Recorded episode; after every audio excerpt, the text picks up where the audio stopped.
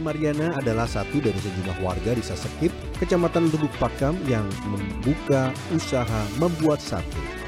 Sate ini umumnya berbumbu rendang dengan bahan baku mulai dari kerang batu, kerang hijau, ampela, ayam, tahu, telur burung puyuh hingga jengkol. Mereka juga memproduksi udang goreng dan burung puyuh goreng.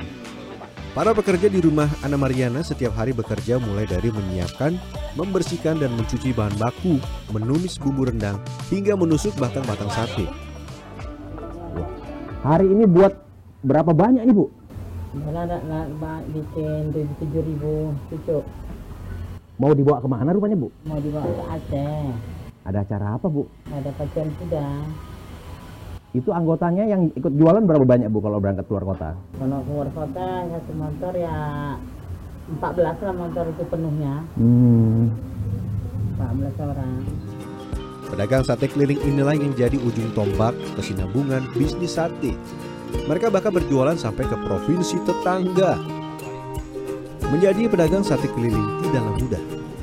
Namun kegigihan pedagang keliling membuat sate tetap laris manis terjual sehingga dapat menjadi penopang perekonomian keluarga. ikan TV 14 inci. Nah itu dari mulai itu kita usaha kecil-kecilan, beli ini sih, beli ini ini itu sikit-sikit dulu dari sampai sekarang berkembangnya. usaha sate ini Pak sebagai penjual sate sendiri ada perhatian pemerintah seperti apa? Nggak ada, total nggak ada. Mana ada yang datangi di tempat kami?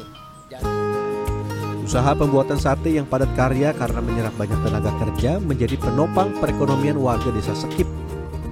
kurang lebih ada ratusan lah ratusan penjual dan pembuatnya Eh, di sini dari yang 16 dusun itu yang jelasnya ada 10 dusun yang kehidupannya menjual sate untuk menghidupi sanak dan keluarganya.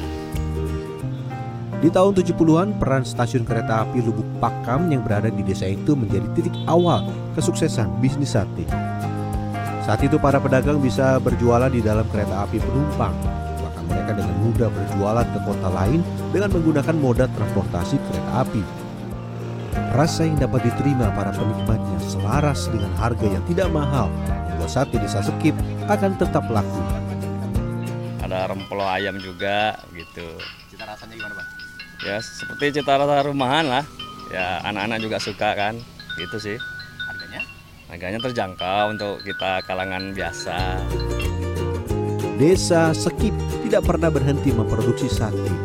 Hari libur perayaan agama seperti Idul Fitri dan Tahun Baru banyak membuat usaha berhenti atau mengurangi produksi. Namun berbanding terbalik dengan usaha sate yang justru semakin banyak peminatan dan laris manis disantap penikmatnya. Bahkan pedagang sate keliling paruh waktu atau dadakan akan muncul sehingga pendapatan pedagang sate keliling nyaris jadi dua kali lipat. Menyusun sate di atas talam menjadi proses akhir dari kegiatan di kampung sate. Dari sini, sate-sate ini akan dibawa menyambangi para pecinta kuliner sate di berbagai tempat di Sumatera Utara hingga Aceh. Inilah Kampung Sate Desa Sekip. Agus Supratman, Ayat Sudrajat, dari